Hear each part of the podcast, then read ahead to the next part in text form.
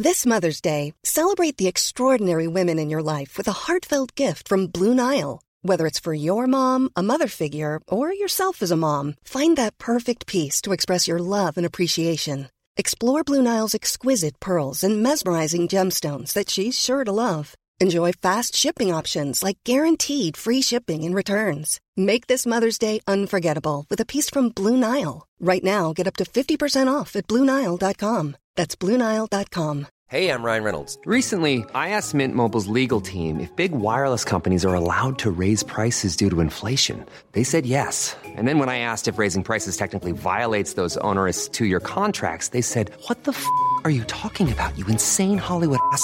F- So to recap, we're cutting the price of Mint Unlimited from $30 a month to just $15 a month. Give it a try at mintmobile.com slash switch. $45 upfront for three months plus taxes and fees. Promo rate for new customers for limited time. Unlimited more than 40 gigabytes per month. Slows. Full terms at mintmobile.com. There's never been a faster or easier way to start your weight loss journey than with PlushCare.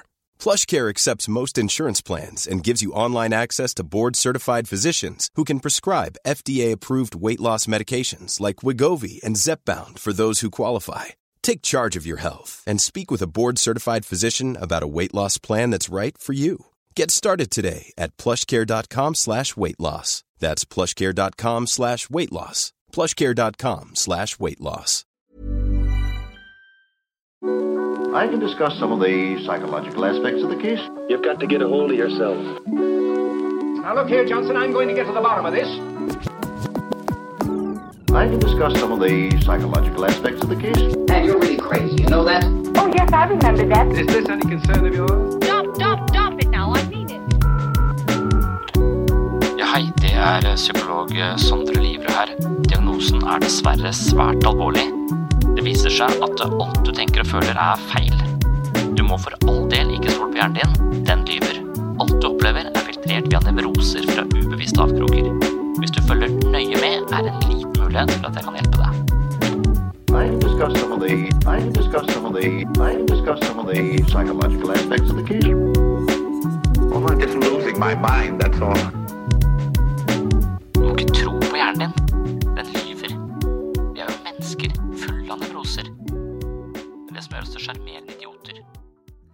Ja, da er jeg tilbake med nok en episode om denne typen psykologiske disposisjoner, hvor man av en eller annen grunn ikke tar hensyn til egne behov i noe særlig grad, men er overdrevent opptatt av eh, ytre krav og forventninger, det å være pliktoppfyllende og gjøre andre mennesker til lags, og det er ofte da på bekostning av egne behov og følelser.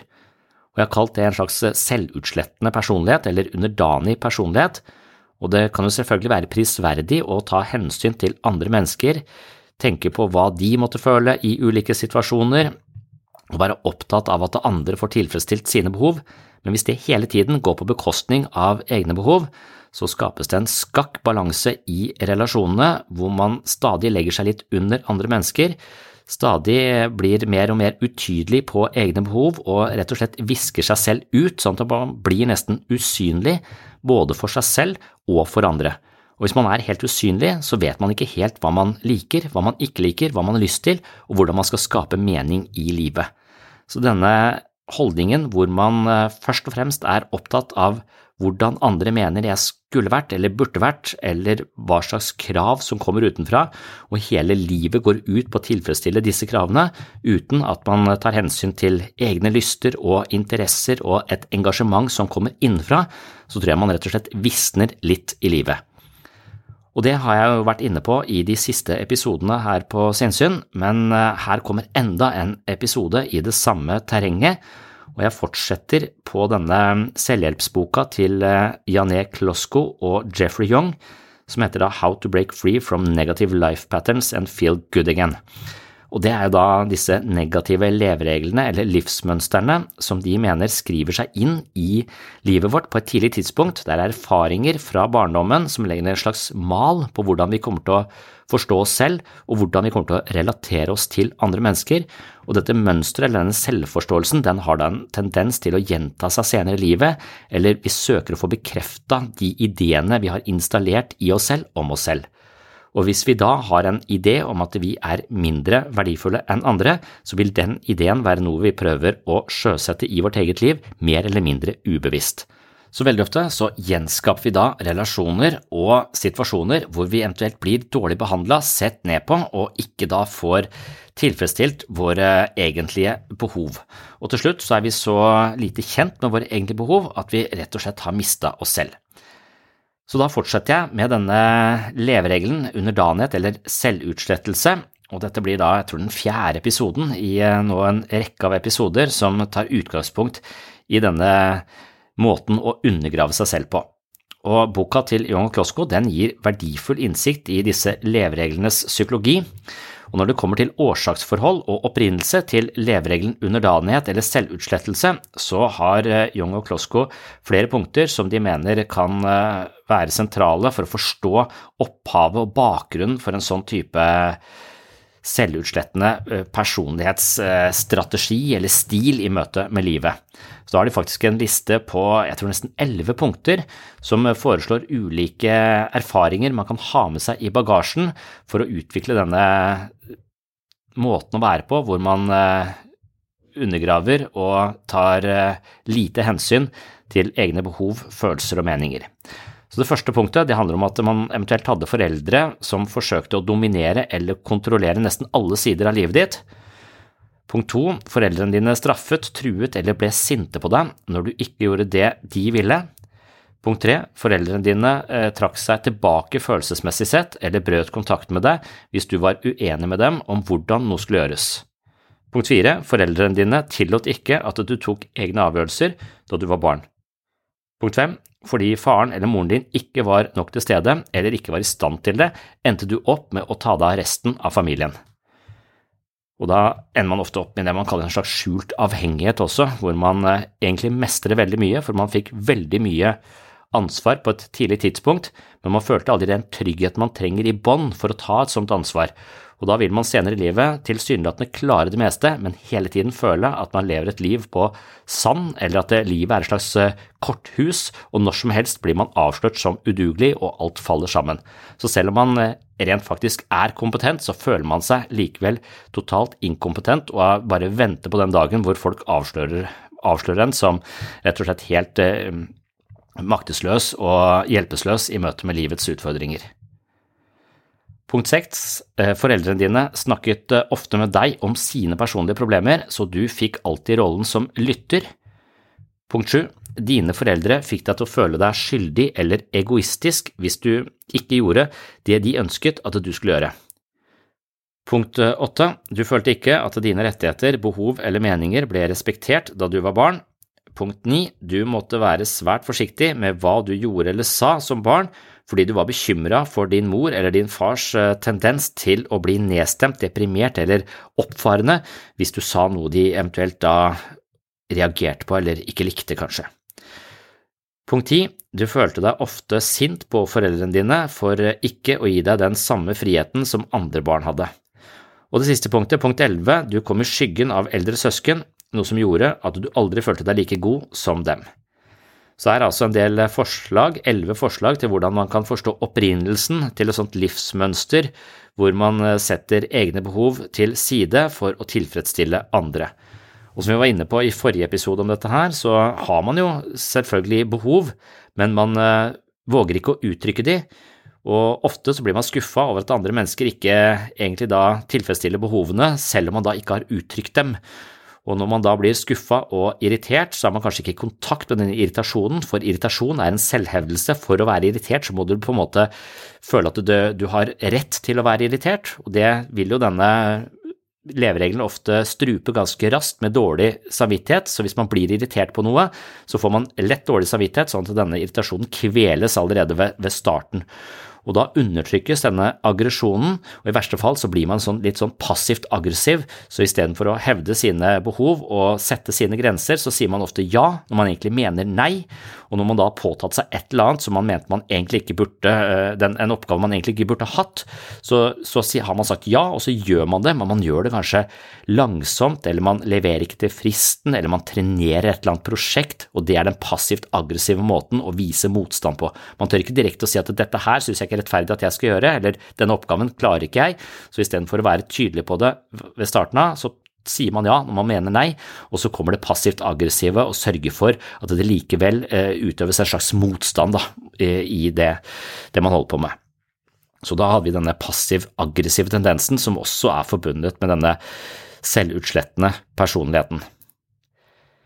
Så det er altså mange årsaksforhold. Det handler om å bli eh, underprioritert, ignorert, oversett, kritisert som barn, og få da en slags følelse av at dine behov ikke egentlig har livets rett, og derfor så bør de eh, undertrykkes. Og så er det veldig viktig å passe på at eh, folk rundt deg har det bra, sånn at du ikke skal få dårlig samvittighet selv hvis ikke de behova tilfredsstilles, eller i frykt for at du blir avvist eller eh, forlatt hvis ikke du da er på pletten for andre. Så det kan være en idé som installeres i deg som barn, og så tar du med deg den inn i voksenlivet, og det er da vi kaller det et negativt livsmønster, og dette ligner også en type avhengig personlighetsforstyrrelse eller en unnvikende personlighetsforstyrrelse, ligger i samme spekteret. Og selvhjelp det handler jo i første rekke om å kartlegge sitt eget negative mønster. Når vi forstår dynamikken i en negativ leveregel og setter den i sammenheng med vårt eget liv, har vi muligheten til å endre oss. Når vi forstår hvordan en negativ leveregel fungerer som en stille stemme som styrer både tanker, følelser og handlinger, kan vi ta eh, tyren ved hornene og skape forandring. Og det er eh, også siste del av dette kapitlet om eh, om denne selvutslettende personligheten, der lister Young og Klosko opp en del konkrete råd til eh, de personene som sliter med en sånn type selvoppofrelse, og hva de da bør gjøre i forhold til en endringsprosess. Og da skal jeg også nevne disse punktene, det er spesielt fem punkter de trekker fram. I første omgang så må du ha forståelse for underdanigheten i barndommen din, og føl det underdanige barnet i deg. Du må kjenne igjen denne følelsen av å være tilsidesatt, ikke ha rett til å ta plass, denne følelsen av skam hvis du viser deg fram, altså den, det lille barnet som ikke fikk den plassen det fortjente, det er en følelse som kanskje har frosset fast i deg, og det må du på sett og vis hente frem, for det er nettopp den følelsen som dukker opp i stadig nye relasjoner i livet. Og da vil den dukke opp i litt sånne øh, skjulte former, men den kan også da ta øh, ulike former i mange ulike relasjoner. Og man kan eh, på sett og vis ofte føle at man eh, kronisk blir dårlig behandla av andre, at man hele tiden strekker seg langt, men aldri får noe tilbake. Og det kan jo stemme, men det er ofte fordi man da aldri uttrykker egne behov, eller tør å uttrykke disse behovene på noen måte, og dermed så blir de heller ikke sett av andre. I tillegg så kan det være vanskelig å sette grenser, så man opplever at folk trår over grensene fordi man rett og slett ikke har satt opp noe gjerde rundt huset sitt, så folk visste ikke at det var din hage. Så, så for å komme til bunns i dette, så må du forstå den der frykten for å sette disse grensene som startet på et tidlig tidspunkt i livet ditt, og så må du kjenne på det barnet, gjerne gi det barnet litt omsorg, og, og når du forstår det mønsteret, så kan du se at nå er jeg en voksen person, nå har jeg en annen myndighet og en annen bestemmelsesrett over mitt liv, og dermed så kan jeg begynne å sette disse grensene på en litt tydeligere måte. Punkt to, da skal du lage en liste over hverdagslige situasjoner hjemme, på jobben eller andre steder hvor du gjør deg selv underdanig eller ofrer dine egne behov for å oppfylle andres. Punkt tre, tren på å gjøre deg opp egne meninger innenfor de fleste sider av livet, enten det dreier seg om film, mat, fritid, politikk, aktuelle og kontroversielle temaer, tidsbruk etc. Hva er det du mener, hva er din mening om disse tingene? For veldig ofte så har den underdanige personligheten en tendens til å prøve å være hva andre mener at det er riktig å si, og så sier man det. Og da blir man ofte litt falsk, man blir en slags kameleon som bare retter seg etter omgivelsene hele tiden, og er da i lite kontakt med hva slags meninger man egentlig har. Og man tror at det å være enig med andre, eller snu kappa med vinden som det av og til kalles for, det er noe som andre mennesker liker, at de liker å at man er enig med dem eller mener det samme som dem, men dypest sett så skaper det egentlig ganske sårbare og svake relasjoner. Fordi når alt kommer til alt, så liker mennesker at andre har sine meninger, har sine grenser, så man vet hva man har å forholde seg til. Hvis man møter mennesker som bare fungerer som en slags projeksjonsskive for det man selv ønsker at de skal si, så føler man at dette blir, det blir en falsk måte å være på, og man blir kanskje litt utrygg også, for hvem er du egentlig når du hele tiden bare mener det som hopen mener? Er, hvem er du bak denne medgjørlige fasaden? Så Det kan ofte skape en viss grad av utrygghet, til at folk trekker seg unna, og dette skader relasjonene dine på en eller annen måte, hvis du da ikke har dine meninger. Og hvis du er så lite kjent med dine egne behov og følelser at du rett og slett ikke er klar over hva du mener i ulike settinger, så må du rett og slett bare begynne å, å kjenne etter og du må prøve å lage deg meninger, prøve å finne informasjon om en film og finne ut av liker jeg den filmen, liker jeg den ikke, hvorfor liker jeg den, hvorfor liker jeg den ikke, og lodde dybden i deg selv og begynne å kjenne etter på disse tingene. Så kan du begynne å sette grenser, du kan begynne å bli et slags tydeligere menneske, for den selvutslettende personligheten blir jo litt usynlig, også litt usynlig for seg selv, og dermed er det viktig å, å være nesten bare på faen, lage noen meninger om noe, sånn at du begynner å uh, sette opp noen markører for hvem du er. Så det handler altså om å lære eh, dine egne behov og deg selv å kjenne. Så forsøk å kjenne etter på hva du føler i ulike situasjoner, og ta hensyn til de følelsene. Og Punkt fire, lag en liste over hva du gjør for andre og hva du gir til andre, og hva de gjør for deg og gir til deg. Hvor ofte sitter du og lytter til andre, og hvor ofte lytter andre til deg? Og Det kan være at du sier at ja, men andre har så mye behov for å prate, bla, bla, bla. Du har også et ansvar for å skape en balanse i dette her, så hvis andre har prata veldig lenge, så er det din tur, og da må du ta den plassen. Det vil eh, sørge for at den andre får muligheten til å være en lytter, får muligheten til å være et godt menneske, men hvis du ikke sier noe, og de hele tiden får lov til å styre showet, så kommer de i den posisjonen hvor de eh, ja, kan føle at de overkjører noen. Kanskje de synes det er ubehagelig, men likevel, hvis de ikke møter noen motstand, så, den, den, så skapes denne ubalansen, rett og slett. Punkt fem, dersom du mistenker at du oppfører deg såkalt passivt aggressivt, som jeg snakka så vidt om litt tidligere i dag, så forsøk å slutte med denne passive, aggressive måten å være på. Og så har vi et sjette punkt her også. Press deg selv til å systematisk stå på ditt, uttrykk det du trenger eller ønsker deg, begynn med ting som er lette å be om. Så ja, hevd dine behov, kjenn etter når du føler eh, at du eh, blir eh, ja, avstumpa eller avskåren eller eh, ignorert eller eh, satt på plass, og så si noe om det. Hvis du blir oversett eller på en eller annen måte føler deg eh, tilsidesatt, og det føles lite greit, så må du si noe om det. Og hvis du ikke blir irritert når noen eh, f.eks. er litt frekke osv., så, videre, så så må du tenke er dette en situasjon hvor det, hvordan folk flest kunne blitt irriterte, og hvis det er det, prøv man fram den følelsen og gi den et uttrykk. For hvis du er veldig redd for det aggressive elementet i deg, så vil det ligge så dypt begrava at du har, det er ikke sikkert du har tilgjengelig den kilden av aggresjon som skal til for å markere seg og sette grenser. Så da må du rett og slett bare prøve å utlede om dette er en situasjon hvor folk flest hadde blitt litt indignert indignerte og, og gitt litt motstand i denne situasjonen. Så her er det litt sånn fake it till you make it.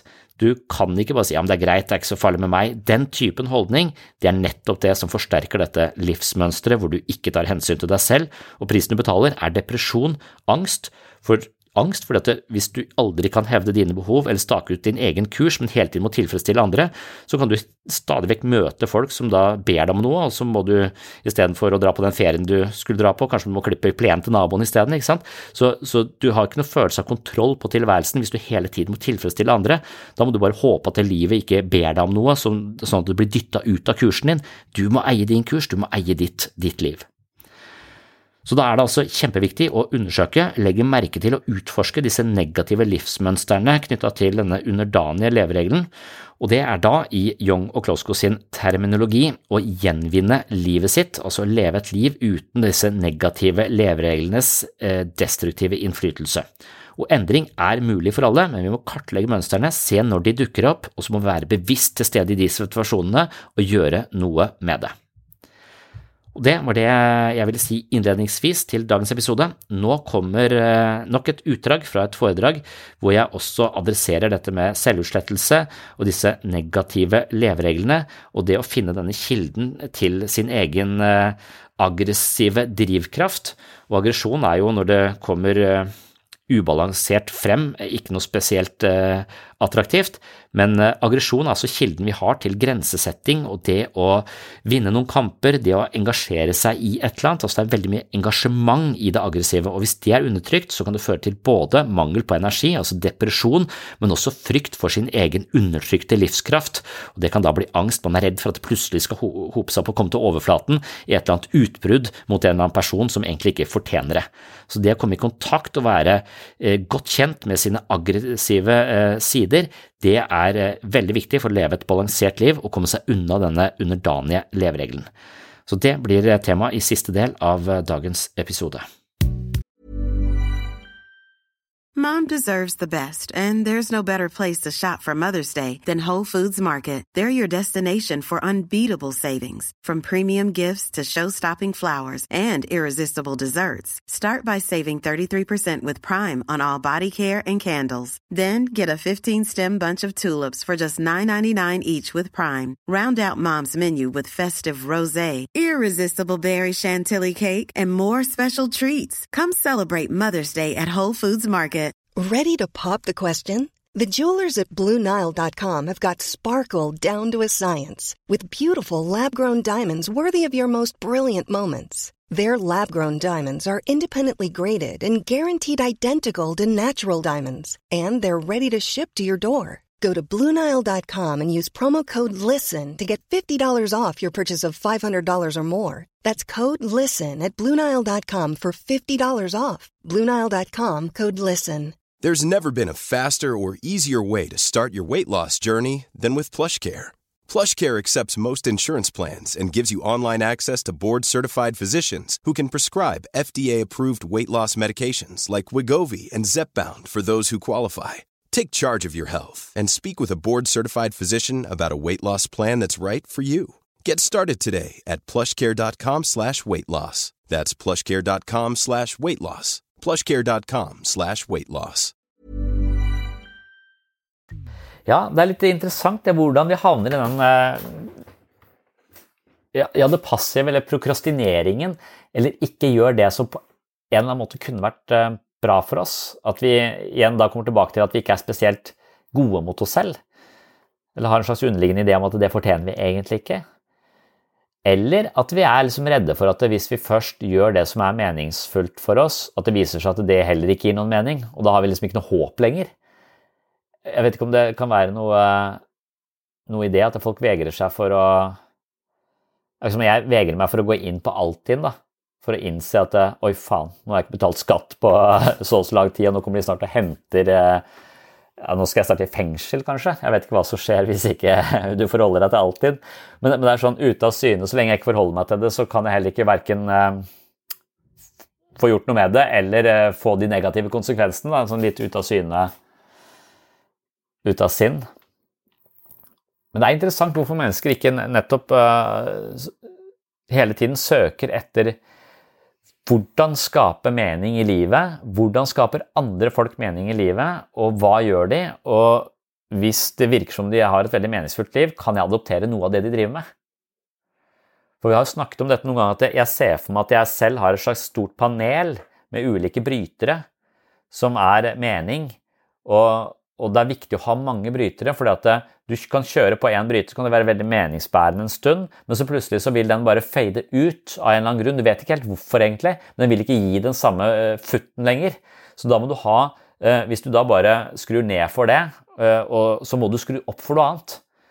Det å drive og slutte med ting i livet sitt fordi at det var for mye stress eller det var for sånn, det er greit nok å skru ned på noe. Kanskje det å holde foredrag, det var noe jeg skrur ned på nå. Det orker jeg ikke. Eh, det gir meg ikke noe lenger, det gir meg bare stress. Jeg skrur ned på det, men jeg er nødt til å skru opp for noe annet. For Hvis jeg bare skrur ned, så skrur jeg ned vitaliteten, på en måte. Og hvis jeg skrur ned vitaliteten, så er det depresjonen som, er, eh, som lurer. Så det å finne brytere For jeg mener at jeg kan ikke forvente at det å skrive, det å høre på musikk, det å være interessert i sjakk, det å være interessert i litteratur Det er perioder i mitt liv også Sånn at det, det, vil være meningsbærende en stund, men så vil det fade ut, og så vil det komme tilbake igjen senere. For jeg kan kanskje skru på den knappen litt seinere, men idet det er på vei ned, så må jeg som, som, DJ i mitt eget liv da skru opp på et annet sted. Og hvis du da ikke kjenner dine egne behov igjen, ikke har noen knapper, eller har veldig få knapper, så har du liksom ikke noen redskaper. da. Hva skal jeg gjøre nå for å, for å Hva er jeg for noe hvis ikke jeg er en sjakkspiller? Hva er jeg for noe hvis jeg ikke liker musikk? Hvem er jeg? Nå er, da er jeg ingen. Da, er bare, da sitter jeg bare her. Da er jeg en slave av algoritmene til smarttelefonen min. Så du ender opp som en slave av noen andre hvis ikke du uh, har et uh, ganske sånn bredt repertoar. Da. Så da om det er strikking, eller om det er lesing Altså at du kan være alt dette og samle på sånne knapper.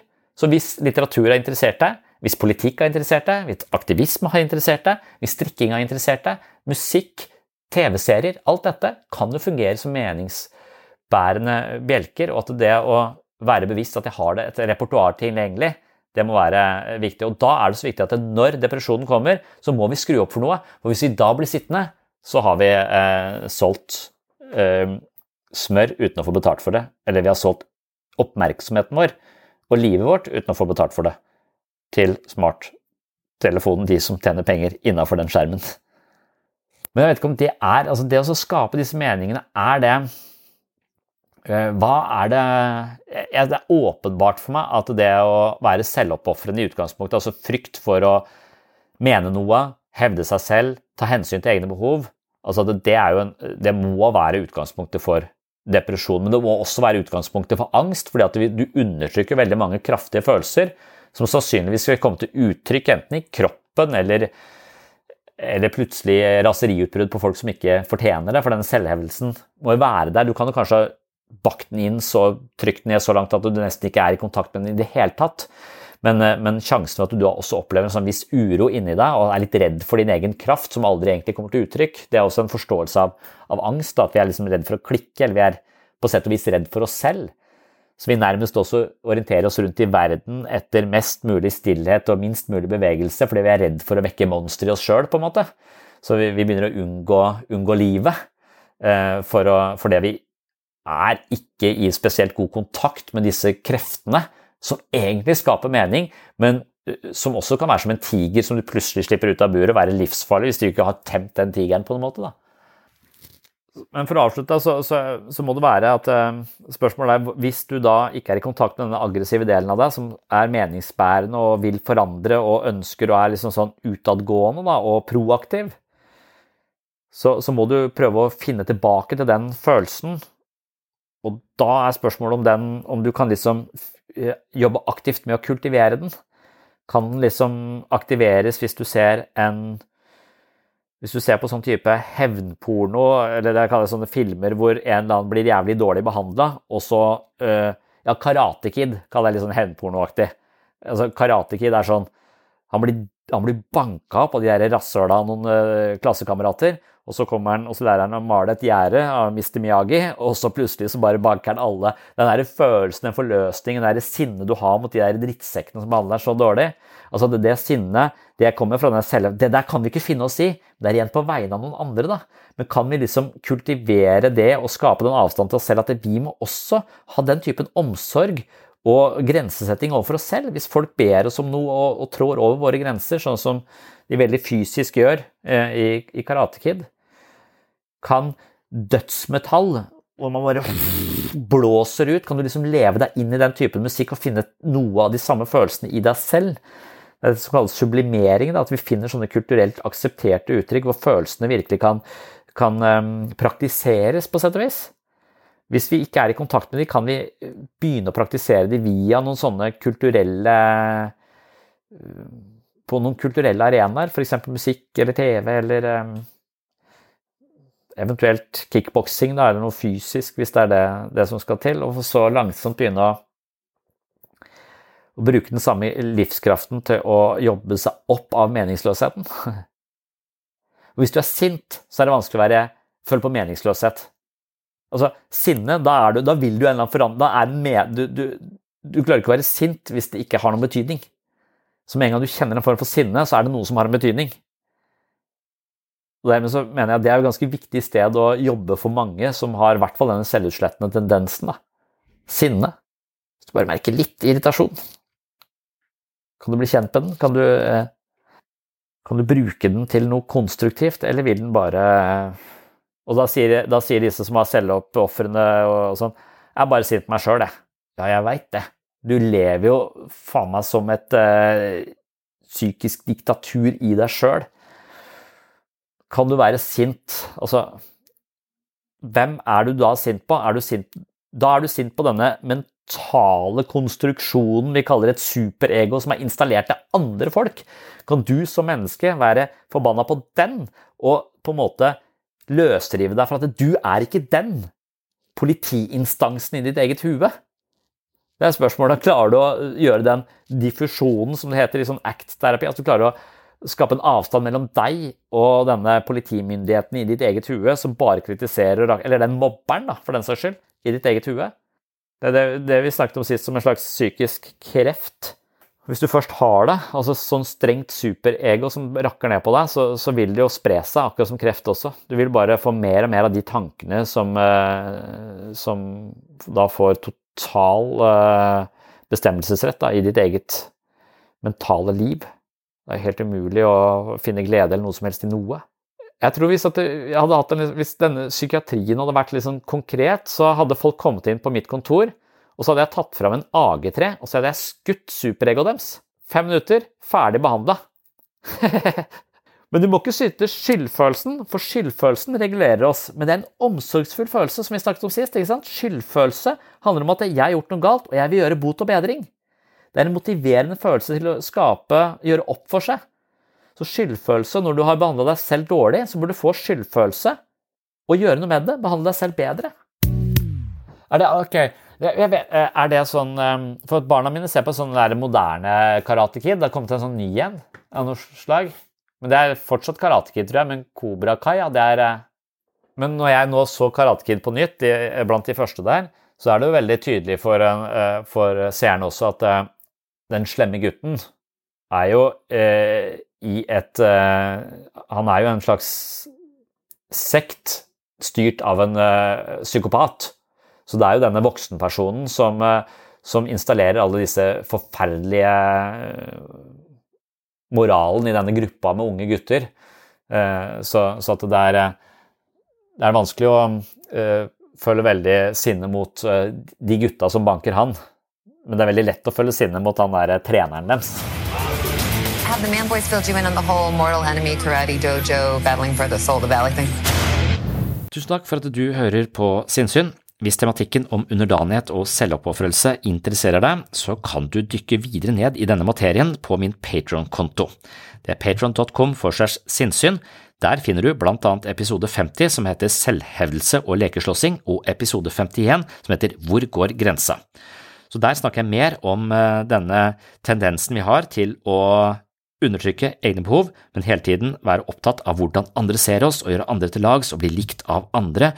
Og av og til i en så ekstrem grad at vi rett og slett står i fare for å miste oss selv og våre egne meninger, rett og slett, og bli litt usynlige, også usynlige for oss selv, og da er det veldig vanskelig å skape mening og et uh, engasjement i livet.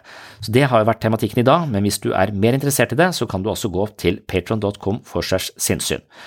Og Patron det er jo det stedet hvor de av dere som finner verdi her på Sinnsyn, har mulighet til å støtte prosjektet, sånn at jeg kan holde lyset i gang på denne podkasten hver eneste uke. Og på Patron så kan du få et abonnement på mitt mentale treningsstudio, og som abonnent av Sinnsyn så får du tilgang til masse ekstra episoder av Sinnsyn, du får bøkene mine som lydbøker, der er det meditasjonsveiledning av meg, det er masse videoforedrag, og det er mentale øvelser som skal styrke våre psykologiske muskler, sånn at vi klarer også å sette denne psykologiske teorien ut i livet. Så velkommen til et dypdykk i menneskets sjelsliv på patron.com for segs sinnssyn. For de av dere som ikke har eh, økonomiske muskler til å støtte prosjektet finansielt på den måten, altså med et abonnement som koster da 50, 80 eller 100 kroner i måneden. Det kan du velge selv. Men eh, jeg har full forståelse for at det ikke er for alle, så derfor så har jeg også denne åpne podkasten hvor det kommer eh, episoder hver eneste uke, sånn at man skal slippe å betale for det. Og hvis du likevel eh, ønsker å støtte prosjektet fordi du syns det er et OK prosjekt, så er det også mulig helt gratis ved å anbefale podkasten til venner og bekjente følge meg i sosiale medier og dele det jeg deler der, anbefale episoder via ulike plattformer i den sosiale jungelen online, og eventuelt rate podkasten på Spotify og på uh, Apple Podcast, for på Apple Podcast så er det sånne stjerner man kan gi, og hvis podkasten får mange femstjernere, altså full pott, så vil den bli mer synlig uh, på, på iTunes, og det er også viktig for å spre budskapet om menneskets indre liv og interessen for uh, psykologi, som jo målet er her, til så mange som mulig. Takk for følget, og på gjenhør i neste episode. Oh, I'm just losing my mind, that's all.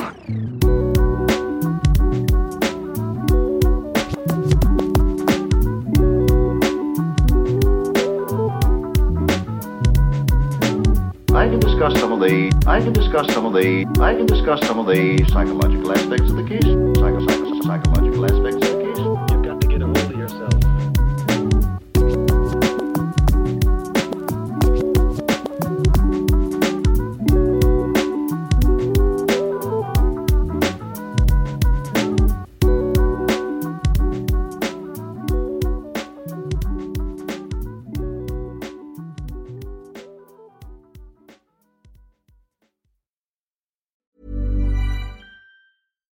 Here's a cool fact a crocodile can't stick out its tongue.